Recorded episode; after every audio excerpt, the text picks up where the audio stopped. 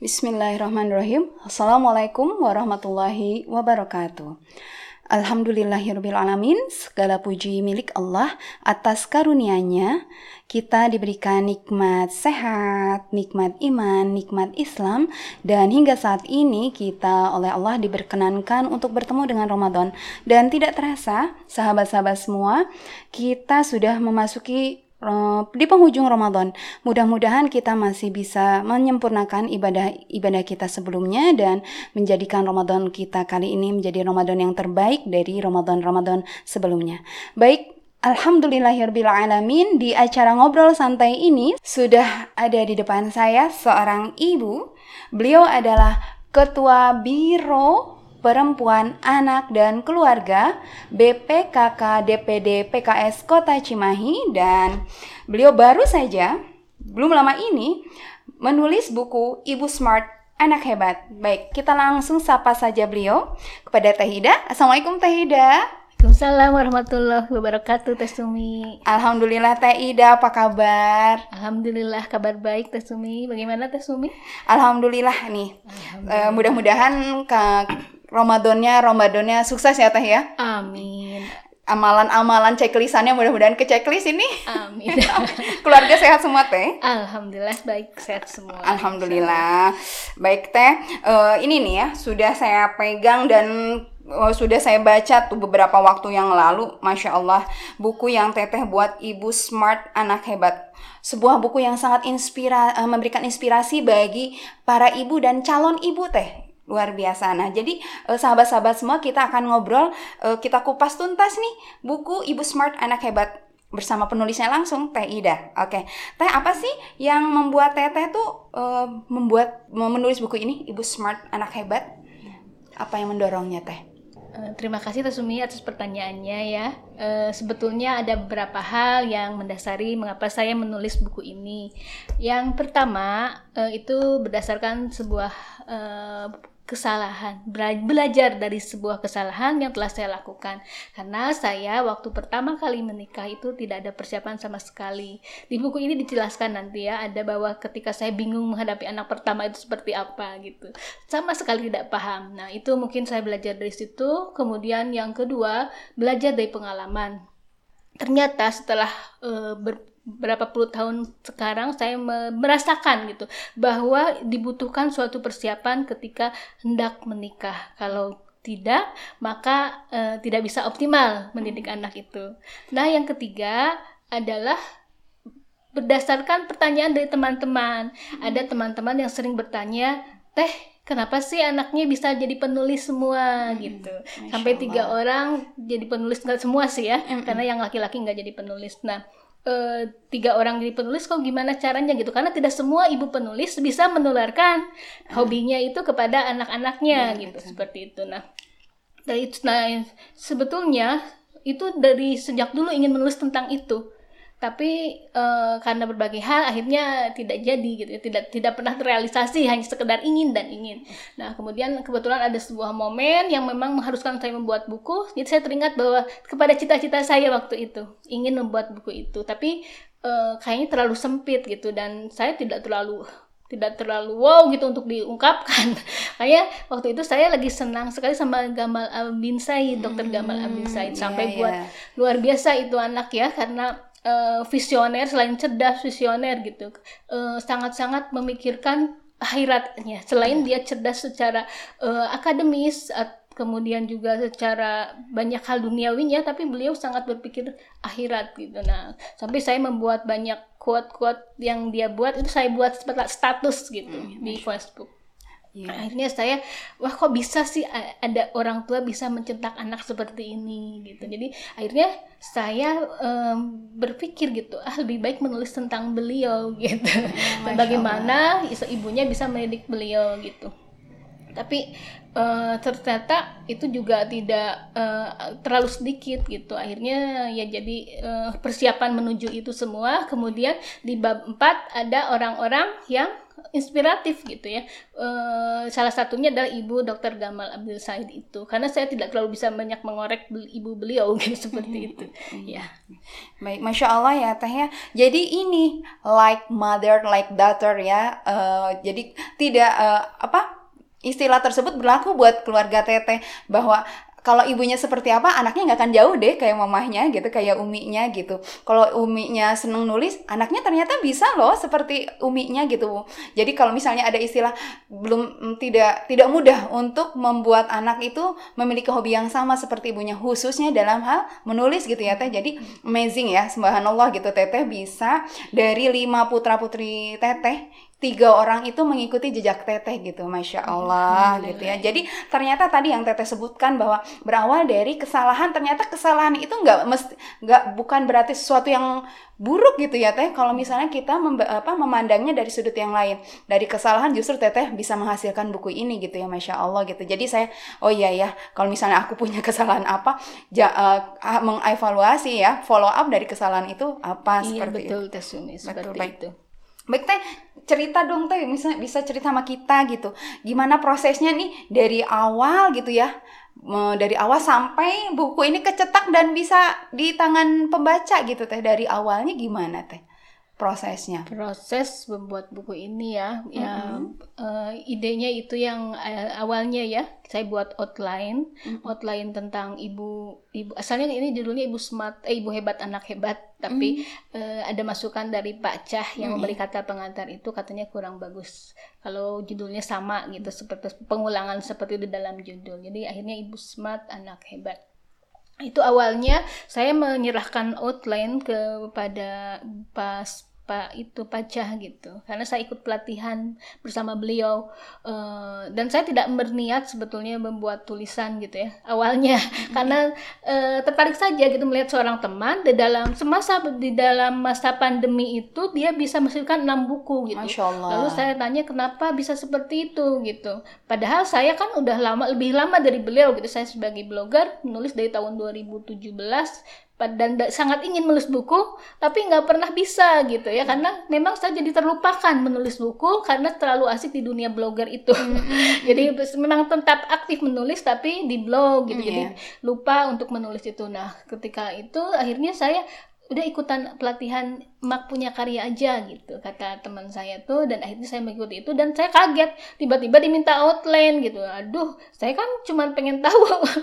Belum ada semangat lagi menulis buku gitu. Tapi akhirnya alhamdulillah dari situ saya jadi membuka-buka agenda lama gitu tulisan-tulisan lama saya. Yeah. bahwa saya pernah membuat sebuah outline tentang calon buku yang ingin saya tulis itu mendidik anak menjadi penulis. Tapi saya berubah sembilan rupa dengan ide baru itu gitu ya bercerita tentang ibu-ibu hebat gitu. Dan saya waktu itu berpikir beberapa orang yang jadi narasumbernya dan alhamdulillah eh, beberapa siap gitu ya. Ada beberapa juga yang berjanji tapi mungkin karena kesibukan jadi tidak gitu. Jadi akhirnya saya hanya tiga orang itu saja dan yeah. bagaimana saya menjadi penulis ya, anak saya menjadi penulis itu hanya pemanis saja akhirnya. Jadi iya. bukan yang utama gitu dan bukan sebagai ibu smartnya gitu hanya sebagai pemanis saja. Jadi outline dibuat itu uh, saya hanya membuat mungkin hanya dua pekan teh, iya hmm. dua pekan karena kebanyakan tulisannya mm-hmm. ada di blog.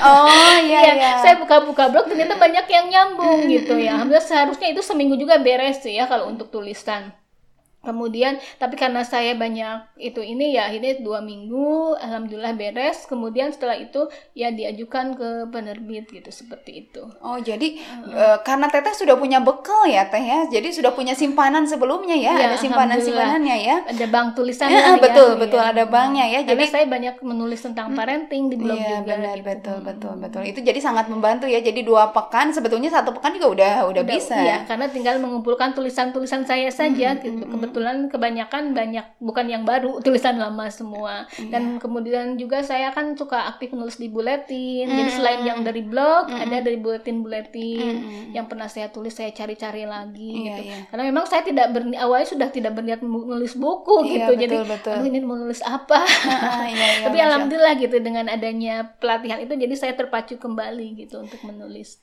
Iya, jadi di masa pandemi ini, masya Allah, Teteh sudah menuliskan satu buku dan uh, tulisan-tulisan lain di, dalam blognya Teteh ya gitu ya. Alhamdulillah. Baik Teh, tadi ya kan uh, ini lagi masa pandemi seperti ini. Tapi sebetulnya kalau masa pandemi itu kayaknya untuk orang-orang yang introvert, yang orang-orang senang di rumah kayaknya ini satu ke keberuntungan ya, satu satu momen yang menguntungkan gitu ya. Malah jadi lebih produktif bisa jadi karena di rumah saja. Nah, untuk Teteh nih kan saat menulis buku ini ada nggak sih kendala-kendalanya gitu atau misalnya uh, ada tambahan-tambahan ide tahu taunya kok stagnan gitu ya kok nggak dapet idenya sehingga aduh aku harusnya nih bakalan harus deadline-nya se uh, tanggal sekian tapi teteh belum dapet gitu ada nggak teh atau gimana iya sih tentu tentu ada ya iya. uh, kalau saya ada masa-masa stagnan duh ini harus tulis apa lagi gitu hmm. kadang uh, pernah juga sih kata pas Cah juga uh, ini outline-nya kurang nih, ininya babnya terlalu sedikit. Nah, oh. saya nulis apa lagi nih, bingung gitu. Tapi itu saya di bawah santai aja. No. Jadi saya ngerjain yang lain dulu gitu. Mm -hmm. Jadi tidak terpusat ke situ. Mm -hmm. Nanti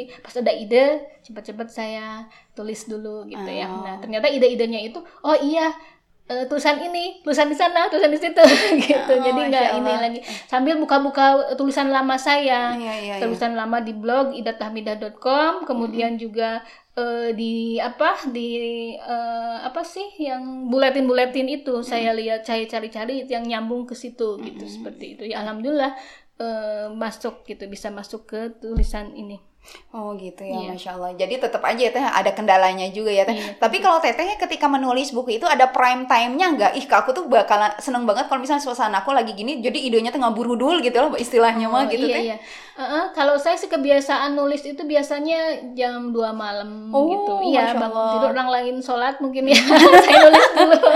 Alhamdulillah. Jadi ini masalahnya kadang jadi menghambat sholatnya di akhir-akhir. oh, iya, Seperti iya. itu. Mungkin jadi, karena hening atau bangun nah, tidur iya, masih segar mungkin ya teh ya. Iya, saya mungkin saya tipenya seperti itu, mm -mm. senang kesunyian mm -mm. gitu seperti itu. Iya, iya, iya. Jadi bergerak dalam sunyi gitu ya teh. Iya, kalau banyak berkarya dalam tuh susah, saya agak-agak ya beda sih tiap orang mm -hmm. ya ada yang ini meskipun uh, rame gitu ya, mm -hmm. eh, meskipun siang itu sepi nggak ada anak-anak tapi saya udah beda suasananya ya. gitu. Dan kayaknya banyak banyak ke keganggu sosmed atau dan pekerjaan lain gitu seperti itu. Jadi feelnya itu malam malam-malam ya teh ya. Iya, lebih seringnya. Sudah kebiasaan. Sudah kebiasaan. Kalau misalnya siang gitu teh, uh, pernah nggak? Kalau deadline ya. Oh, kudu ya teh ya. itu mah. Jadi SKS. Uh, eh, the power of kepepet ya. Ah, nah, betul, itu betul. alhamdulillah suka suka itu tiba-tiba muncul ide-ide itu karena kepepet banget. Uh. Tapi kalau nyantai gitu nggak bisa.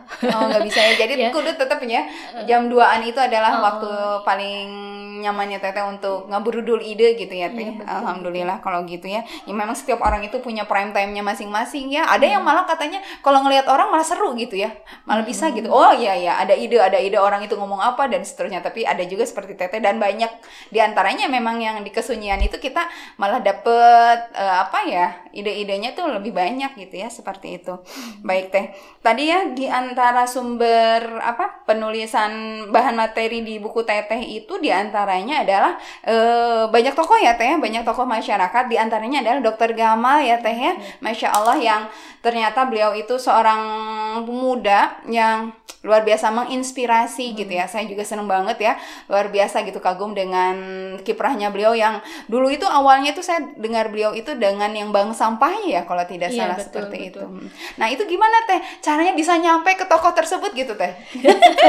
Jadi kepengen iya. saya juga gitu. Iya sih sebetulnya Kok saya bisa gitu teh? Bingung soalnya nggak ada hmm. channel ya. Nah itu dia. Ke ke mana gitu ya? Akhirnya hmm. saya sih uh, tanya-tanya di beberapa grup teman-teman uh. gitu.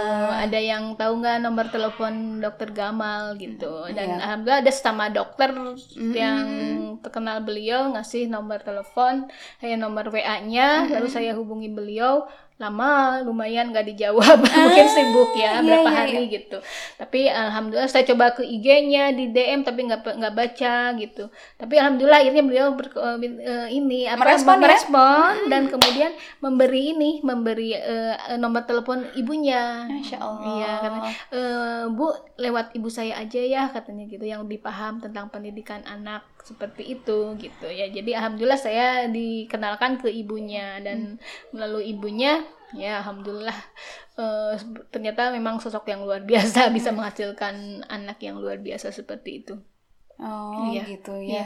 Jadi memang harus sabar ya teh. Kalau misalnya kita nge-DM Oh, oh. tokoh penting, kalau Iya. misalnya nggak langsung direspon, Iya. jangan baper ya, Nah, jangan pundung itu gitu ya. betul. Iya, karena memang kesibukan beliau yang luar Mm-mm. biasa ya sebagai sosok muda yang mendunia gitu. Jadi levelnya kan bukan bukan selevel daerah atau Nasional negara- aja ya. nasional aja tapi sudah ke internasional ya Iya, beliau iya, iya. itu. Jadi memang sibuk gitu dan alhamdulillah bisa nyambung. Selain beliau juga saya ada yang di tokoh daerahnya itu eh, ibunya Ustadz Abe. Mm-mm, Nah, betul. Nas- eh, Jun apa Ihsan. Ihsan, iya, betul. Itu luar biasa juga ternyata beliau eh, sosok yang inspiratif ya Mm-mm. menurut saya karena berhasil mendidik empat orang anak itu selain eh, seorang hafiz hafizah tapi di dunia akademisnya luar Tetap biasa leading ya, iya, ya? iya.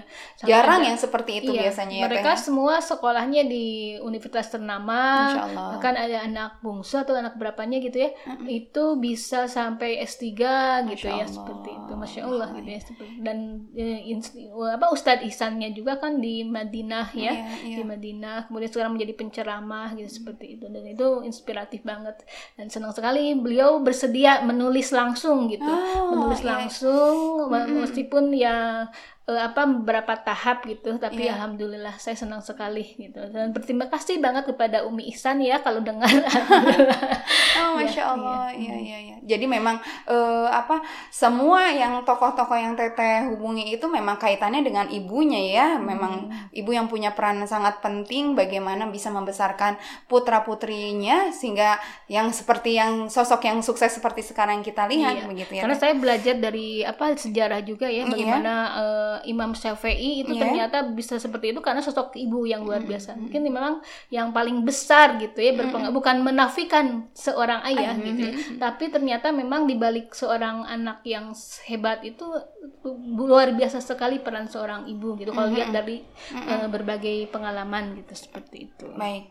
Eh, lihat dari apa ya setelah Teteh menulis buku ini ya, Ibu Smart anak hebat ini, apa sih yang paling membekas gitu Teh? Ada nggak sih yang bikin Teteh tuh jadi wow luar biasa nih ada point of view-nya buat Teteh gitu, Hmm, banget iya, banget gitu. Iya, Eh, saya jadi belajar sendiri sih dari buku ini ya ketika menulis ini. Ternyata eh, untuk menjadi bisa menghasilkan seorang anak yang hebat itu itu seorang ibu itu harus tahu dulu gitu eh, makna kehidupan ternyata. Oh iya. Eh, iya. saya di sini di bab pertama dituliskan bagaimana motivasi ibu itu harus mempunyai motivasi gitu ya bahwa eh, bagaimana mendidik anak agar optimal dan saya melihat kebetulan saya berinteraksi langsung dengan sebuah komunitas nah komunitas itu ternyata eh, anak-anaknya rata-rata berhasil semua Masya gitu Allah. Iya, dan hanya sedikit lah ya satu dua saja yang mungkin gagal gitu. Tapi secara umum anak-anaknya berhasil secara akademis maupun secara f- apa secara eh, agamanya gitu. Secara anak-anak yang soleh, soleha dan futuristik gitu seperti itu.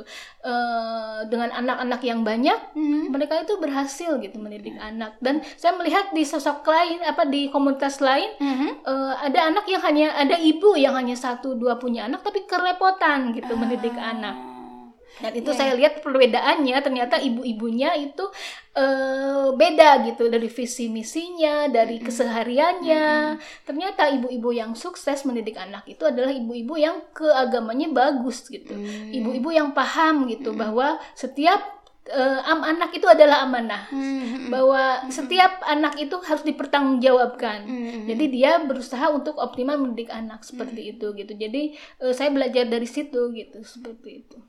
Jadi eh, kalau begitu berarti peran ibu tuh ya khususnya dalam pondasi agama ibunya dulu ya yang harus dibereskan ya teh ya. Jadi maksudnya jadi sebelum eh, sebelum per- seorang perempuan itu menikah eh, dipastikan bahwa calon ibu tersebut penanaman akidahnya agamanya kuat karena untuk pendidikan anak adalah itu yang utama gitu ya iya, teh. ya. iya betul. Meskipun memang tanggung jawab eh, adalah ayah ya Iya, betul. sebetulnya ya. Mm, mm, mm. Eh, apa yang jagalah eh, keluargamu dari siksa api neraka itu kan tang- tanggung jawab Tanggung- ayah ya. iya, betul, Tapi betul. ternyata gitu dalam keseharian di, di Indonesia terutama peran ibu tuh luar biasa gitu. Jadi memang sangat penting gitu seperti itu.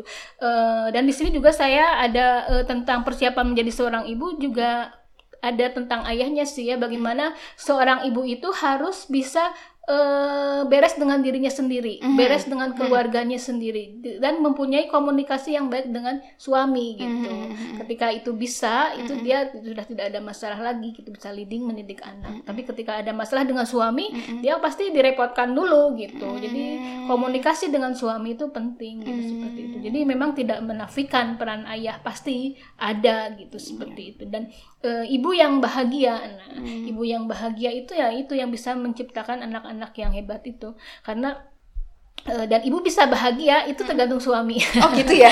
Iya. Defi- tapi definisi agama eh definisi bahagianya itu seperti apa ya teh ya? Kalau buat teteh.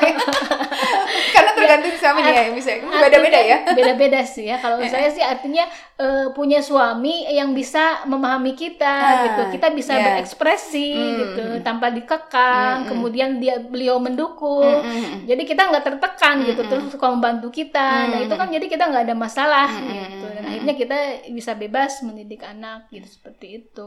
Eh, itu sih Iya iya bahagia menurut saya gitu. Tapi kan masing- masing-masing orang berbeda ya. Iya. Tapi ter- ternyata memang benar beberapa penelitian juga menunjukkan bahwa eh, seorang ibu eh, itu bisa mendidik anak dengan baik ketika dia bahagia. Bahagia. Hmm. Ibu bahagia bisa menularkan kebahagiaannya kepada keluarganya. Betul. Tidak hanya kepada anaknya tapi pada keluarganya. keluarganya. Gitu, seperti itu. Iya betul.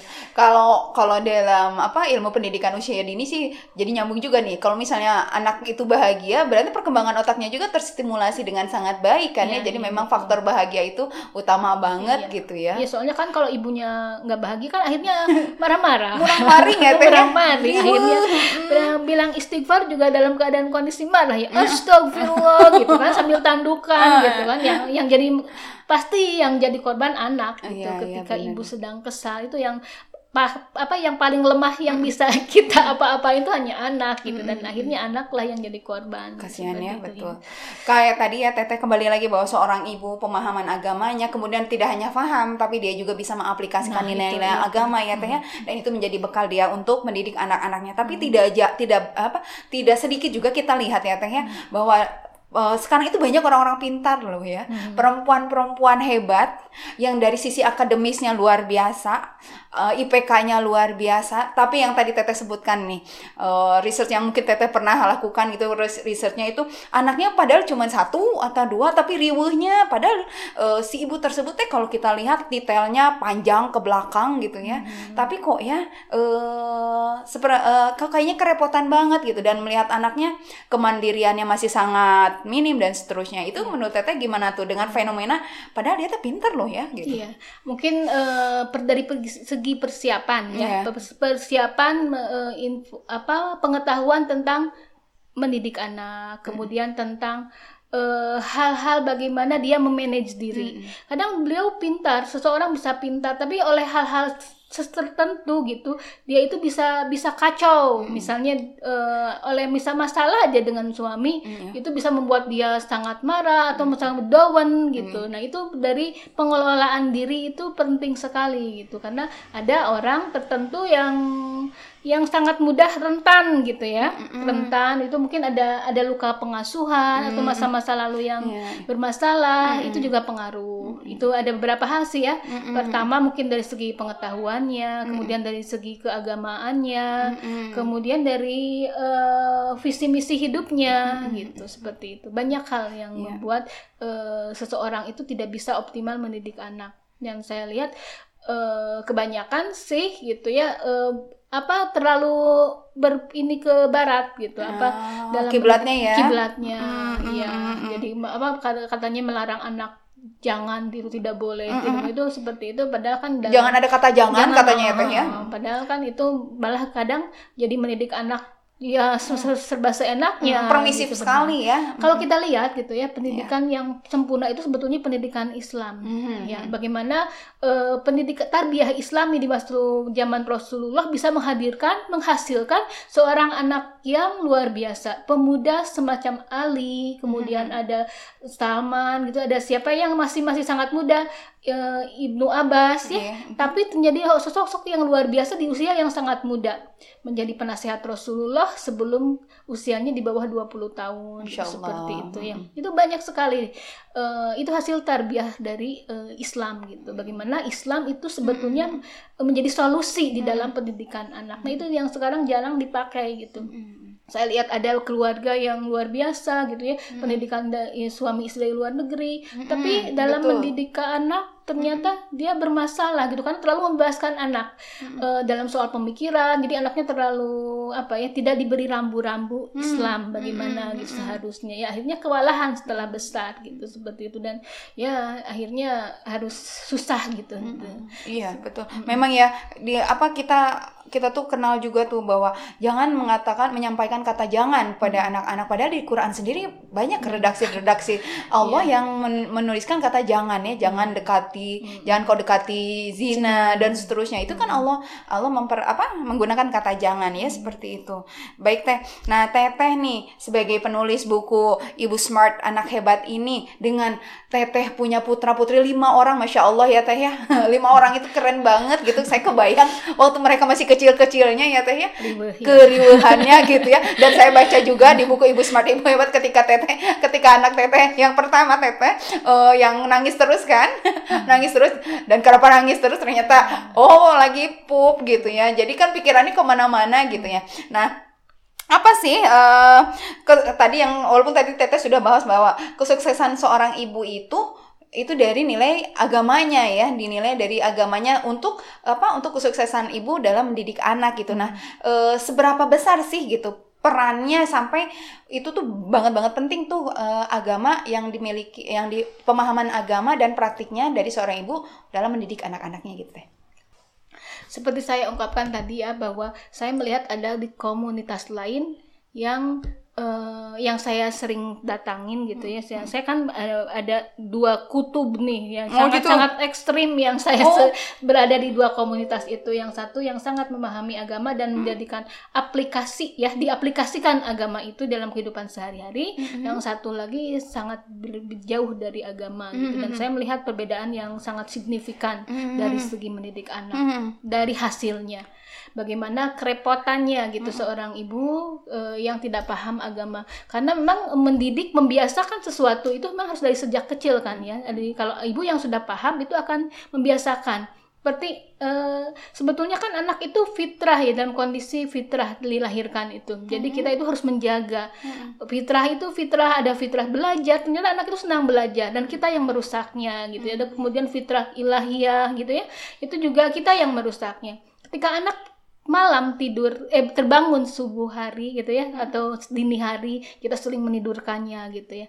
Biar anak kita tidur dan kita bisa bebas berinter ber apa beraktivitas. Tapi ternyata itu adalah hal yang salah gitu. Seharusnya memang anak dibiasakan terbangun dini hari gitu. Itu seperti hal-hal seperti itu yang harus dipahami oleh seorang ibu. Dan hanya diketahui oleh ibu yang memahami Ya, agama betul, Nah, Teh, seperti betul, itu. betul, betul. jadi kemudian pembiasaan-pembiasaan dari kecil seperti jilbab memakai jilbab Mm-hmm. kemudian juga apa eh, sholat dan sebagainya itu dari kecil itu Mm-hmm. sangat memudahkan Mm-mm. saya pengalaman itu eh, anak yang pertama ya sulung itu ketika kalau melihat saya pakai kaos kaki udah dia juga langsung ambil kerudung karena itu anak itu memang eh, eh, sangat sangat peniru ulung gitu Betul, ya jadi betul. kita harus memberikan contoh gitu betul, betul. seperti eh, anak saya menjadi seorang pembaca yang sangat luar biasa yang sulung itu ya itu juga karena eh, saya meskipun saya bukan pembaca yang bagus ya tapi saya usahakan di depan dia tuh sering baca gitu seperti itu nah karena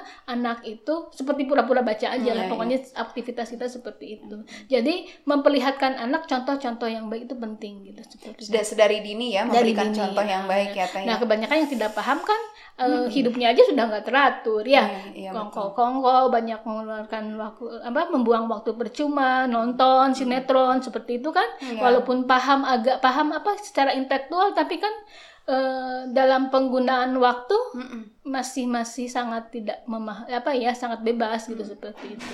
Iya iya. iya. Teteh selama ini nih, selama membesarkan anak-anak nih ya, lima anak-anak, masya Allah, pernah nggak sih kesel gitu? Teteh tuh punya rencana apa, tapi pas dipraktikannya tuh tidak mudah dengan apa yang sebetulnya oh aku impian aku kayak gini nih dalam mendidik anak. Eh nggak taunya ini. Pernah nggak teh kayak gitu? Oh tentu sangat banyak ya banyak sekali. Sering ketemu oh, kayak gitu ya teh? Iya iya. Terutama mungkin untuk anak-anak yang sekarang yang mm -hmm. mulai terganggu gadget ya. Mm -hmm. gadget itu kan waktu anak yang ke satu ke dua ketiga masih tidak terlalu banyak seperti sekarang. Saya bisa mengaplikasikan di rumah no TV gitu mm -hmm. ya. Nah, sekarang nggak bisa. Nggak bisa ya? Nggak bisa. Jadi saya bisa bebas supaya anak saya senang baca itu uh, tanpa TV gitu ya. Seperti itu bisa waktu sebelum zaman era sosmed. Tapi sekarang sekarang setelah internet begitu banyak susah. Anak lebih senang nonton YouTube dibanding uh, apa dibanding membaca gitu mm -hmm. seperti itu. Nah itu jadi butuh butuh usaha yang lebih kuat mm -hmm. gitu seperti itu. Karena kita nggak bisa ngelarang kan ya? Uh, iya.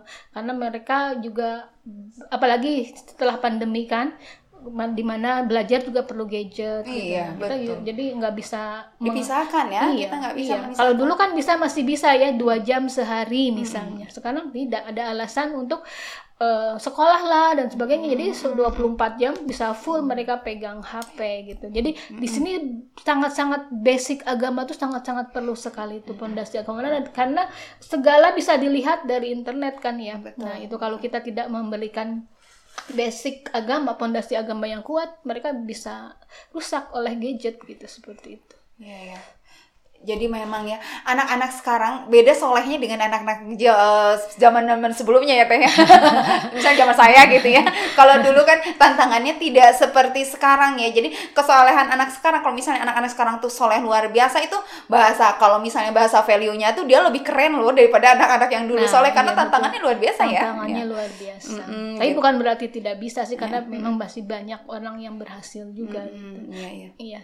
iya jadi pondasi agama gitu ya teh ya memang mau gimana gimana mau gimana pun suasananya. Ah, jadi saya ingat nih seperti yang di sini juga ada tentang hmm. ibu yang pem, apa yang punya anak 10 hafiz Quran itu ya. Oh, di sini ibu ibu Wiryaning sih. Hmm, ya betul, beliau, masya Allah. Masya Allah itu luar biasa ternyata keagamanya luar biasa dari uh, apa pembiasaan dari kecil itu beliau tidak uh, meng, apa mengharu mewajibkan dirinya itu mendidik anak sampai bisa baca Quran dari awal gitu. Kemudian uh, dia tidak akan keluar misalnya aktif di luar kalau dia tidak bisa menyisihkan waktu untuk mengajar anak. Jadi walaupun beliau seorang yang sangat luar biasa ya sampai mm -hmm. sampai apa aktivitas aktivitasnya sampai mendunia ya pernah mewakili apa mewakili Indonesia ke dunia internasional gitu ya perempuan Indonesia tapi ternyata e, mengajarkan anak baca Quran masih dengan tangannya dia sendiri gitu, seperti itu. Kemudian pembiasaan dari kecil harus baca apa menghafal. Mm-hmm. kemudian itu baca buku di rumahnya tersedia. Mm-hmm. itu tidak terganggu gadget ternyata. Oh, dan sekarang anak-anaknya luar biasa. Iya, ya, berarti, berarti ibu ini menciptakan lingkungan ya, nah, lingkungan iya, yang positif ya, iya, sehingga si ibu tuh jadi bahasanya mungkin setiap pasangan suami istri itu kan punya visi dan misi ya, hmm. Ingin anak-anak kita tuh mau ingin seperti apa seperti apa, nah menciptakan kondisi untuk mengarahkan hmm. anak-anaknya bisa sesuai iya, dengan betul, visi misi. Nah. Jadi jadi ingat nih bagaimana eh, sinergi antara suami itu harus kuat di situ. Hmm. Kalau saya lihat dari ibu Wiryaningsi itu suami istri itu kompak banget hmm. gitu, jadi dia punya konsep bagaimana mendidik anak itu e, berdua gitu ya. Mm -hmm. Kemudian jadi tahu e, apa yang harus dilakukan itu bareng-bareng gitu. Mm -hmm. Jadi tahu langkah-langkahnya. Gitu, iya, masya Allah ya. Berarti kalau gitu teh e, dalam mendidik anak nih ya, kesuksesannya nih, biar anak-anak tuh sukses lah dunia akhirat, mm. siapa yang paling berperan besar nih di keluarga gitu ya? Gimana teh? Kalau menurut teteh hmm. apa ibu, bapak atau dua-duanya? Sebetulnya dua-duanya ya, hmm. sebetulnya sih. sebetulnya ya. iya. Uh, ya it, seperti yang tadi ungkapkan, ibu itu penting, ayah itu penting juga. yang, yang tidak penting apa ya? Jadi kan bahasanya gini, kayak kan kalau di luar itu udah aku kata kata ayahnya tuh, aku udah capek kerja, ini uangnya, nah, silakan kamu urus nah. anak-anak nah, gitu, nah, kayak gitu. Nah itu rata-rata yang nggak berhasil seperti itu ya, karena uh, bapaknya menitipkan anaknya ke ibunya saja gitu mm -hmm. seperti itu. Tapi kalau lihat dari contoh-contoh uh, yang ada mm -hmm. uh, ternyata peran ayah juga besar gitu ya tadi membuat ibu bahagia Iya, betul. apalagi kalau bisa membuat konsep bersama mendidik anak itu lebih luar biasa lagi gitu Iya, iya. seperti Jadi bareng-bareng gitu ya teh Iya, ya. jadi ada sinergi gitu. Jadi di sini juga saya ada sih persiapan menjadi seorang ibu itu eh, salah satunya ya bisa bersinergi dengan suami. So, ya seperti itu. Ma- maka dari itu apa bahwa menikah itu ibadah terpanjang dan pahalanya luar biasa. Kalau misalnya belum kan itu masih separuhnya masih kosong nih gitu ya. Pahalanya kalau mau bicara pahala gitu ternyata karena memang tantangannya tidak Iya, mudah iya, ya teh. tidak mudah. Tantangan tantangannya tidak mudah nih. Nah, terus nih ber- eh, saya tuh tergerak nih ngelihat nih baca dari buku Teteh nih kan di antaranya kan Putri Teteh nih yang paling besar yang sekarang Tetehnya lagi di, di Turki ya Teh ya. Iya. Alhamdulillah Masya Allah gitu. Nah, gimana sih buat teteh sendiri nih di rumah gitu kasih bocoran gitu buat kita kita gitu.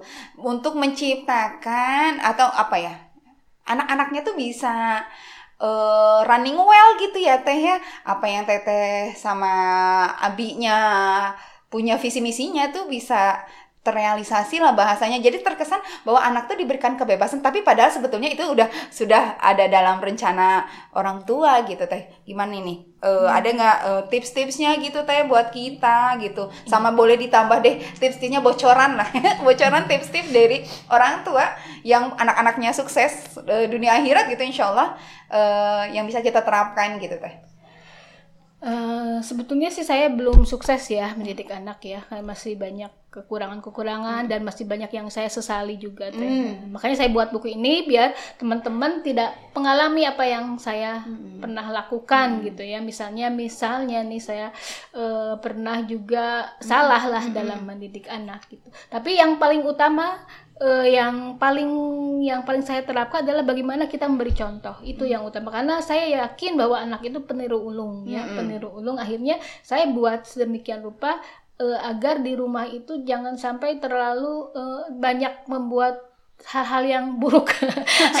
Enggak ya jadi harus harus harus contoh-contoh yang baik saja gitu. karena saya pernah nih suatu saat saya sibuk disibukkan di rumah ketika membuka laundry Eh, ketika anak pulang saya kebagian tidur gitu ya karena udah capek ngurus-ngurusin gitu ya. Nah anak itu ternyata melihat ya, ini mah tidur mulu gitu. Dia dia pulang sedang tidur gitu. Padahal kan saya kerja dari pagi belum malam kerja juga gitu. Nah, wah anak melihat gitu. Kemudian ketika kita sibuk eh, dengan anak yang ke selanjutnya, anak yang atas tuh, Umi kok sibuk sama Dede gitu. Dia tuh ternyata protes gitu, suka melihat apa yang kita lakukan. Jadi saya di sana belajar juga bagaimana kita harus memberikan contoh itu yang penting. Kemudian juga pembiasaan-pembiasaan yang baik itu dari kecil gitu. Karena kalau nah ini kesalahan saya tuh ada di sini juga karena tidak semua kebiasaan-kebiasaan bagus itu saya terapkan waktu kecil. Yang sudah besar jadi sedikit kewalahan juga gitu ya. Bagaimana menerapkan anak supaya disiplin. Nah, itu saya kurang bisa gitu ya, seperti itu. Karena itu butuh waktu eh, kan kayak pembiasaan karakter itu dari pembiasaan gitu Betul, ya dari pembiasaan sehari-hari baru bisa menjadi sebuah karakter gitu. Jadi itu yang utama itu pertama adalah basic agama yang kuat kemudian contoh dari orang tua kemudian eh apa tadi teh? Aduh, jadi lupa. Sinergi. Sinergi ya sinergi antara ibu dan anak. Kemudian eh, contoh yang beri contoh sih utama yang itu. Basic agama yang kuat kemudian juga kita mengarahkan juga gitu seperti itu. Itu teh mungkin ya yang paling utama Iya iya ya. Jadi eh, banyak faktor ya teh ya. Jadi ketika misalnya para calon ibu nih ketika akan menikah kita jadi nggak polos-polos amat juga ya Nah, bahasanya. Memang tidak ada sekolahnya ya teh ya. Tapi Iya. sekarang udah banyak ya. ada harusnya sekolah- harusnya ada sih harusnya ada ya. Iya, dan udah mulai tapi itu tidak terlalu mendasar justru yang penting-penting juga prakteknya ya bagaimana eh, waktu eh, mendidik bayi gitu ya Pak, mengasuh bayi Mm, betul, mengais betul. bayi kayak itu penting itu biar ketika awal-awal tuh udah nggak kaku lagi Mm, betul. tapi alhamdulillah sih bagaimanapun sekarang ada ya bagaimana eh, sekolah perempuan ya yang mendidik terutama eh, dari segi edukasi Iya, ini iya, iya. informat informasi parenting ya keparentingan bagaimana mendidik anak yang baik itu juga penting sih harus ya karena kebanyakan ibu tuh kan dulu saya yang pengalaman tuh banyak mendidik kita tuh bagaimana bisa sekolah kemudian kuliah bisa cari kerja gitu kan. Nggak pernah berpikir eh, bagaimana menciptakan anak-anak soleh nantinya gitu seperti itu. tidak ada jarang ibu yang seperti itu.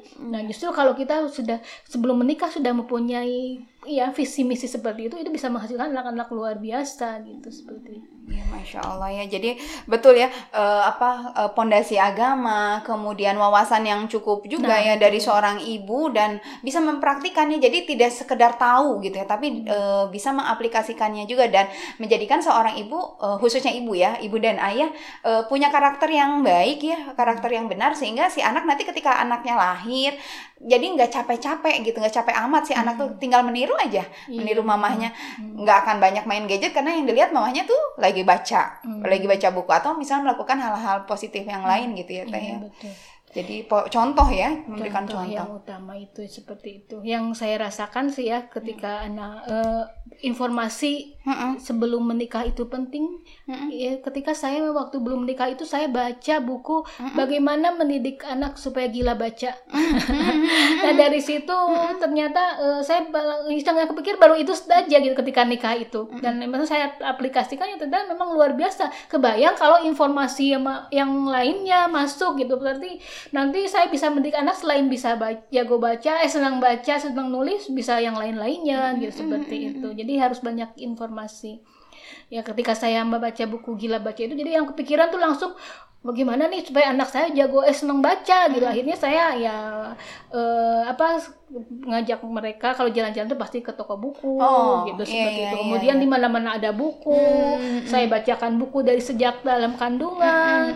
Kemudian ketika bayi buku juga gitu ya dengan buku yang disesuaikan ya ada yang dari kain kemudian iya, ada betul. picture book atau yang tebal-tebal itu untuk Iya. usia satu tahun dua tahun gitu ya iya. seperti itu. Dan ternyata memang ketika kita sungguh-sungguh ternyata memang bisa menghasilkan gitu anak yang gila baca gitu seperti itu Iya. terbayang kalau kita mungkin gila Quran Ah, gitu ya betul. apa yang lain-lain udah gitu. dipersiapkan sebelumnya ya Ah, ah, jadi apa-apa aja perangkat-perangkat apa saja yang harus kita siapkan jadi yang kita impikan tuh bisa ya Bisa Ya, ternyata, Allah. iya gitu, iya ya. gitu baik baik alhamdulillah wah seru banget ya. Kita eh, sahabat-sahabat semua eh, menggali nih eh, kupas tuntas tentang ibu smart anak hebat dan kita sudah dapat bocoran-bocoran nih.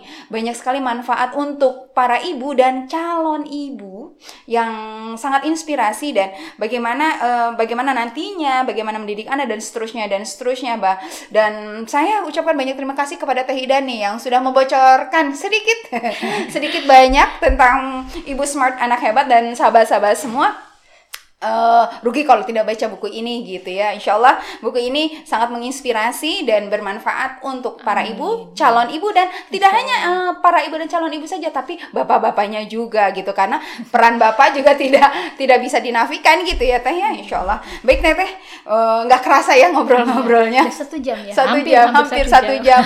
Makasih banyak nih teh eh, untuk sharing sama-sama Teh ilmunya, sharing informasinya. juga nih Eh, makasih banyak mudah-mudahan di waktu lain bisa ada kesempatan lagi dan kita bisa ngobrol bareng eh, dalam topik yang berbeda gitu ya teh ya Allah, insya Allah iya. makasih banyak teteh mudah sama-sama Teh Sumi, ya. mudah-mudahan ramadannya menjadi ramadan terindah dan bentar lagi masih ada satu hari lagi malam ganjil mudah-mudahan masih bisa dilewati dengan baik Amin.